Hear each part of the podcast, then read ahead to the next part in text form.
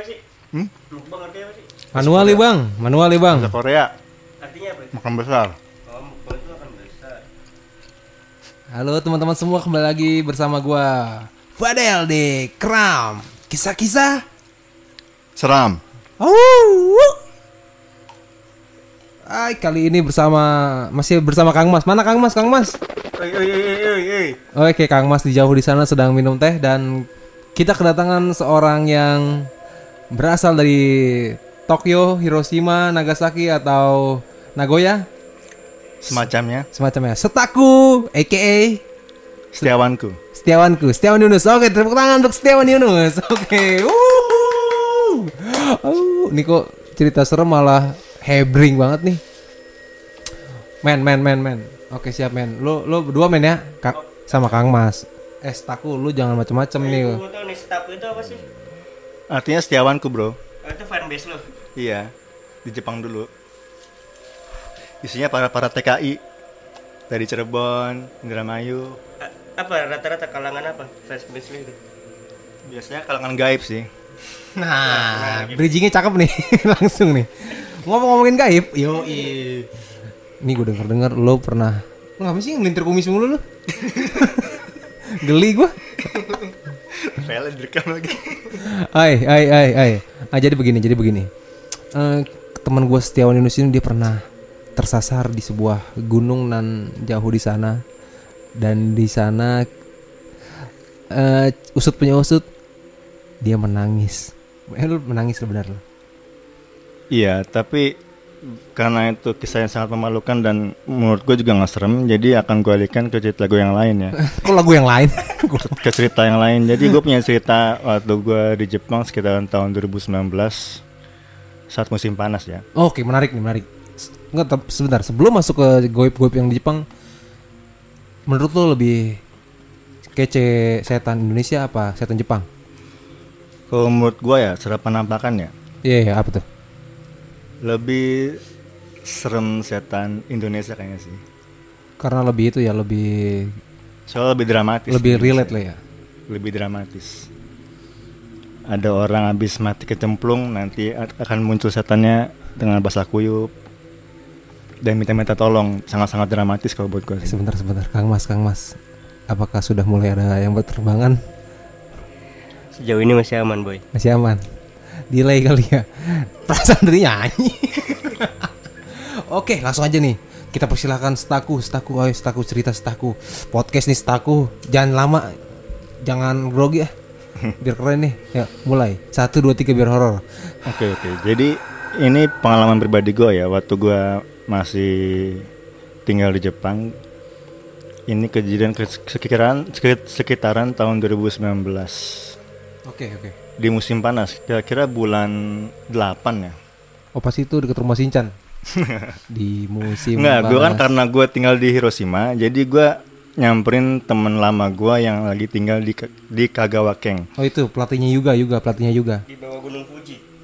Yang ngajarin juga nendang bola tuh pakai bola blitter yang hitam.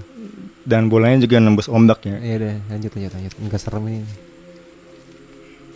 Jadi waktu waktu gua lagi nginep di, di apartemen temen gua itu Ya ya ya ya. Kenapa kenapa kenapa? pas banget kan di sana lagi ada festival musim panas. Jadi di Jepang itu biasanya kalau ada musim panas tuh sa- saat musim panas ada festival musim panas. Eh, biasanya tuh kayak pesta kembang api. Terus juga ada banyak jajanan-jajanan dan pertunjukan lainnya kalau nggak salah. Ini serem serem serem mana ini? Tahu tahu deh. Enggak udah nggak apa lanjut aja lanjut. Entar lo edit ya. Enggak enggak apa. Ayo dong, ayo serem ah. Eh, serem. jadi kan gua berangkat sore nih sama teman-teman gue nih naik sepeda kan karena jauh juga Oh, di sana itu nggak boleh naik motor atau gojek. Nggak- karena gua statusnya pemagang ya bukan bukan warga asli sana jadi gua nggak boleh punya SIM C dulu kecuali sudah ngikutin program selama lima tahun lebih baru gue bisa punya SIM Nah, ini serem nih kayaknya nih. Serem. Terus terus. kan eh, jadi di Jepang itu kan masih banyak sekali pegunungan sama persawahan ya walaupun itu ada di perkotaan. Jadi waktu kita pulang dari acara itu sekitaran jam 12 malam. Jadi kita itu mm, pulangnya itu melewati jalan-jalan pinggiran pegunungan di tengah-tengah sawah. Dan harap diketahui juga ya. Jadi di Jepang itu sangat ngirit ngirit listrik. Jadi tengah malam itu banyak lampu-lampu jalan tuh yang sudah padam. Enggak itu Jepang kota apa pedesaannya? Di pedesaannya. Oh pedesaan. Berarti kalau di di kota Tokyo mah enggak ya? Tradisi Kalau kayak kota gitu. besar kayaknya enggak sih. Lampu besar eh, lampu-lampu jalan kayaknya enggak padam. Iya, Yakuza kan kalau NATO malam masa lampu. Jadi gua kan dalam perjalanan kan karena perjalanan jauh naik sepeda juga sekitar 40 menit. Jadi sekit eh, di pertengahan jalan gua dan teman-teman gua itu ada tiga orang. Kita tuh berhenti istirahat kan. Kita Mulai nih angkernya. nih. Ini serem nih. Terus terus. kita berhenti buat minum dulu, buat ngerokok, buat ngerokok, buat ngerokok dulu. Minum sake. Enggak dong. Air putih aja kita mah. Iya, Terus terus. Jadi kan kita berempat nih, termasuk gua. Ada teman gua namanya Dian, Joko, sama Daryanto. Orang Indonesia semua tuh. Iya dong. Joko Suryanto. 2019. Nama nama orang Cikarang. Orang Seragen cuy. Iya terus terus. Nah, dua orang teman gua nih kencing sembarangan dia. Wah, fatal itu. Si Terus, terus. Lu kalau ngomong gak perlu deket-deket Nus. Gua yang deket-deket karena ini kecil. Ya udah yuk lanjut. Nah kencing sembarangan dia tuh. teman gua kencing sembarangan nih ceritanya nih si Dian ini nih sama si Joko. Nah, Dian dan Joko kan gue peringatin kalau kencing jangan ke arah sungai. Jadi agak menjauh aja ke arah sawah. Cuma dia mereka itu nggak nggak mengharapkan nih. Tunggu tunggu tunggu. Kenapa kenapa nih? Kenapa lu anjurin buat menjauhi sungai nih? Ada apa ya? Soalnya gue merasa kan pertama sungai air Jepang itu mesti steril kan, Iya. mesti bebas dari eh, Pencemaran. pencemaran lah entah itu entah itu dari kotoran manusia maupun dari bahan-bahan kimia jadi kan sebagai pendatang kita juga mesti nge- ngejaga hal itu terus kedua gue juga merasa sungai itu kan tempatnya para jin ya? Iya, betul. jadi waktu mereka udah kencing dan mereka nggak mengharapkan omongan gua kita tuh duduk-duduk tuh di tengah jembatan. Agak ke pinggir jembatan sih lebih tepatnya sih. Jadi sepeda kita taruh di pinggir jembatan. Gua sama teman gua Daryanto itu di sisi kiri teman gua si Joko dan Dian yang tadi kencing sembarangan itu ada di sisi kanan. Iya. Eh, jadi itu ada satu teman gue tuh yang duduk yang duduknya itu agak ke tengah jembatan tapi tetap di pinggir di pinggiran jembatan. Waktu kita asik asik ngobrol-ngobrol gitu tiba-tiba Nah, eh, kan karena si Joko itu duduk di duduk di aspal jembatan ya. Terus kan punggungnya kan nyender ke pembatas jembatan tuh. Tiba-tiba Joko tuh ngerasa kayak ada getaran gitu di, di, di pundaknya. Seakan-akan tuh kayak ada yang ngetok-ngetok gitu kan. Nah itu yang pertama.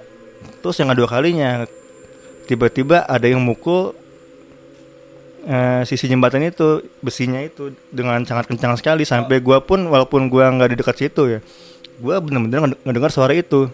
Ada yang ngetok-ngetok gitu. enggak jadi langsung ngetok jeder gitu doang. Nah waktu gua dengar gituan gua dan teman teman-teman gua langsung kabur tuh. Nah dalam perjalanan ternyata si Joko tuh cerita asal bunyi itu bener-bener tepat di belakang dia. Padahal jembatan itu ya jembatan itu ke eh, jarak ke permukaan sungai itu ada mungkin sekitar 3 meteran atau lebih Iya iya iya. pokoknya sangat tinggi sekali jembatan itu loh dan sebelum kita duduk, duduk di situ tuh kita tuh udah lihat kan ya sekitar situ ada apa aja kan cuma ada Alang-alang.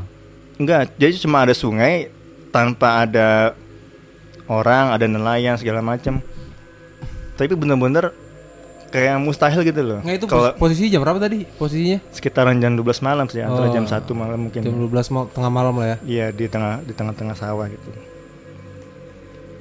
Ya lanjut lanjut. pokoknya setelah si Joko cerita gitu gue jadi mikir kan ternyata di Jepang yang negara modern itu tuh masih ad- masih aja ada yang namanya tuh jin Ini serem juga nih. dan gue juga akhirnya yang memaklumi sih maksudnya nggak cuma di Indonesia doang yang angker itu bahkan yang yang ngasih teguran ternyata di sana juga masih ada teguran-teguran gaib gitu loh bagi mereka yang kurang sopan tapi lu bagaimana. tahu, tapi lu tahu kalau itu emang jin yang mertua warga. soalnya kan jarak dari jembatan ke permukaan sungai aja udah 3 meter lebih sedangkan di jembatan itu kan cuma hanya kita berempat doang Iya iya iya. kok kalau bunyi itu ada di belakangnya Joko berarti kan harusnya orang itu ngambang kan Iya sih. nggak napak ke jembatan ataupun napak ke sungainya Tapi lu ngeliat itu. Enggak sih kalau gue selama gue di Jepang gue gak pernah hal seperti itu sih dan mungkin it- itu aja yang bisa gue share hari ini Serem juga ya. Enggak dong, yang ini dong ya. Kalau pengalaman lu yang di gunung. Oke lah tadi itu yang di Jepang ya. Cuma gue maunya yang di Indonesia nih. Yang lu tuh pernah naik gunung terus motornya mati tuh gimana tuh? Awal mulai dari berangkat sampai lu motor mati tuh. Gue kan denger dari si Kang Mas nih, cuman gue tahan udah jangan cerita dulu kata gue biar staku yang cerita coba. sebenarnya ya itu tuh karena kesalahan dari Waze sih jadi kesalahan gue juga sih kenapa gue memilih Waze sebagai alat pemandu gue Berarti harusnya Google Maps tuh. iya kayaknya sih ya jadi gue kan pulang dari Jogja nih. Gue dari Jogja itu mau menuju Purworejo rumah jadi eh gue itu perjalanan sekitaran jam 9 malam. Dan gue naik motor metik gue nge ngebonceng sepupu gue yang saat itu masih sekolah SMA ya. Jadi dalam perjalanan itu karena jadi saat saat itu ya di Jogja itu sangat macet sekali kan jadi si Waze itu ngalihin jalan ke jalan-jalan yang Alternatif. alternatif yang tapi menurut gue sih lebih Cepat lebih, lebih, cepat. rumit dan lebih jauh kalau menurut gue Mungkin settingannya jalan kaki kali. soalnya beda banget dengan jalan arah gue berangkat yang di mana not- notabene arah gue berangkat itu tuh tinggal lurus doang sama ngikutin jalan doang Eh tapi sorry, ini boleh tau nggak? Lu tuh naik ke gunung apa ke daerah mana? enggak jadi gue tuh masih daerah Jogja juga jadi Kotanya. nah, daerah Jogja perkampungannya sih jadi waktu gua nyasar itu hanya ada ja- jalan lurus gelap gulita sampingnya hanya ada sawah-sawahan gitu Ja- si Waze itu nunjukin gua ke arah jalannya naik jadi lama-lama makin naik makin naik. Emang sih awalnya ada perumahan warga jadi gua nggak nggak terlalu curiga kan kalau itu adalah sebuah gunung kan.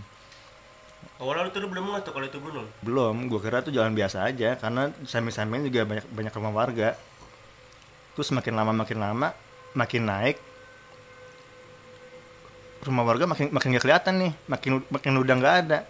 Cuma ada pepohonan sama lampu-lampu jalan yang warna kuning gitu kan makin lama gue naik lagi makin gak ada jalan sama sekali gue tadinya berpikir untuk turun kan untuk turun ke bawah lagi Iya. cuma gue berpikir bensin gue ini benar-benar udah empty jadi dan gue gue tuh tahu jalan sebelum itu tuh nggak ada Pom bensin. nggak ada pom bensin bahkan pom bensin yang mini itu udah nggak ada jadi gue maksain eh Udah dah, gas aja lah bisa nih gitu ya. Gue maksain laki gue aja ke situ kan. Laki. laki ya keberuntungan gue aja. Oh, kirain lu punya laki. anjing. Ya, terus- waktu gue makin naik bener-bener itu tuh lampu udah nggak ada gelap gulita cuma ada lampu motor gue doang no dan gue tuh ngeliat eh bensin gue tuh bener-bener udah empty kan. Pokoknya tuh hampir mati lah. Gue juga nyari solusi kan gue nanya ke ade sepupu gue itu karena gue merasa dia itu kan orang sono gue naik jalan sama dia dan ternyata, ternyata dia juga nggak tahu kan. Jadi di lain sisi gue mesti tanggung jawab ke adik sepupu gue yang gue bawa pergi. Kedua gue tuh mesti nyelamatin nyawa gue juga. Waktu dalam perjalanan gue tuh sempet eh, nemuin ada mobil lewat. Gue gue bahagia tuh. Gue merasa temennya kan waktu mobil yang lewatin gua Totonya mobilnya tuh kencang sekali dan motor gua karena motor metik ya jadi di tanjakan itu motor gua tuh rada rada nggak kuat Oh, ber- ber- oh, oke oke. Itu, itu itu posisi jam berapa tadi? Jam berapa? sekitaran jam 12 atau jam 1 sih Gu- gua nggak lihat jam lagi sih waktu itu karena gua udah benar panik dan HP gua tuh udah lowbat Oke oke. HP di ada sepupu gua pun sudah lowbat pas banget di puncaknya nih gue tuh berhenti. Jadi di situ tuh ada semacam hmm, kayak pos ronda gitu ya jadi bambu gitu buatan warga. Di atas pos itu tuh eh di, di dekat pos itu tuh ada lampu kuning nyala kan di situ gue ngeliat sese- seseorang cuy. Apa tuh? jadi gue tuh ngeliat kayak ada perempuan duduk di situ kan. Waktu gue sampein perempuan itu kan perempuan tuh se- sedang memandang ke arah Ala, pemandangan itu jadi bukit pandangannya tuh perkotaan Iya iya. iya. jadi dari atas itu kita bisa ngeliat kota Jogja tuh Oh berarti view-nya dia dari atas ya? iya Maksudnya dia ngeliat ke arah bawah gitu ya? Hmm. Tapi ngadep belakang apa ngadep ngadep? Oh iya, iya, oke. dia oke. ngadep ke depan kan waktu gua samperin terus bar- sebelum gua bertanya nih ya tiba-tiba itu lehernya kepalanya itu berputar cuy. Bener-bener sampai ke belakang gitu Gokil. tapi dia diem aja Tapi dia nengok ke muka lu? dia nengok ke gua dan adik Aduh. adik sepupu gua cuma yang yang lihat gua doang cuy gua bener-bener hampir pingsan dan gua tuh bener-bener pengen nangis tau gak? Tapi lu kasih tau gak ke sepupu lu? dia dia tuh diam aja karena dia tuh nggak tahu nggak bisa ngelihat kan Enggak, tapi lu kasih tau gak? kalau enggak Hmm. gua tuh gak ngasih tahu dia Biar biar tenang lah situasi ya. Ya soalnya kalau dia pingsan gue mesti gimana kan? Iya iya iya, terus terus. Akhirnya gue tancap gas lagi kan. Nah kebetulan tuh waktu di puncak itu sehabis itu turunan cuy. Nah di turunan itu gue tuh cuma bisa berdoa doa terus lah. Walaupun gelap gulita segala macem gue doa terus doa terus. Dan gue minta ma gue minta maaf banget sama Tuhan sama penunggu sama penunggu di situ kalau gue tuh seandainya emang punya salah jangan jangan buat gue sasar jangan buat gue hilang lah yang sebenarnya kan karena Tapi tapi lu sebelumnya ngerasa ngelakuin sesuatu yang buruk nggak di situ kayak lu ngeludah anjing Oh, sembarangan? enggak sih karena, karena gue cuma fokus di jalan doang sih Apa lu emang tak kabur udah bisa nih bensin? Tapi emang pom bensin nggak ada sih ya di situ ya. Iya. Tapi kan alhamdulillahnya doa gue terkabul. Iya iya. Jadi makin turun makin turun ada mungkin sekitaran 15 menit gue turun itu jalan itu ada pom bensin mini cuy. Hmm. Ada pom bensin mini dan setelah itu banyak banyak sekali war- eh, rumah warga udah mulai kelihatan tuh. Dan jalannya pun sudah mulai datar lagi. Tapi gue waktu ngisi bensin gue juga nggak sempet nanya sih di sana gunung apaan karena gue benar-benar udah stres banget gue ya. Jadi gue buru-buru beli beli rokok juga langsung cabut gue. Gue langsung cabut dan alhamdulillahnya ternyata keluar gunung itu langsung ke jalan utama yang di mana tuh dekat rumah yang ke arah mbah, rumah mbah gue. Hmm. Waktu gue nyampe rumah itu gue udah ditungguin sama Keluarga besar. Iya, sama orang tua gua, sama orang tuanya dia, sama sama pade gue juga ditungguin kan. Gua langsung bilang aja gue nyasar ke gunung sesuatu gitu loh. Menurut gue tuh asing sekali. Karena gue merasa itu gue tuh disasarin sama Waze sih. Oke, tapi itu yang kisah tentang yang lo mau nangis bener tuh, lo mau nangis tuh. Yang gue tadi bilang tadi itu namanya orang takut ya. Iya iya. Di daerah orang lain bukan daerah gua dan juga lawan gua kan bukan manusia. Iya. Ibaratnya gue kayak masuk kandang kandang macan gitu. Di sana banyak, banyak sekali macan dan gue kalau gue salah ucap atau salah tingkah, gue bisa ya mati atau menghilang kan. Apalagi gue gue juga bawa nyawa orang lain kan, gue bawa adik sepupu gue di situ. Dan gue juga bawa motor orang lain. Kebetulan tuh motornya motor minjem. Punya saudara juga. Hmm, Iya iya.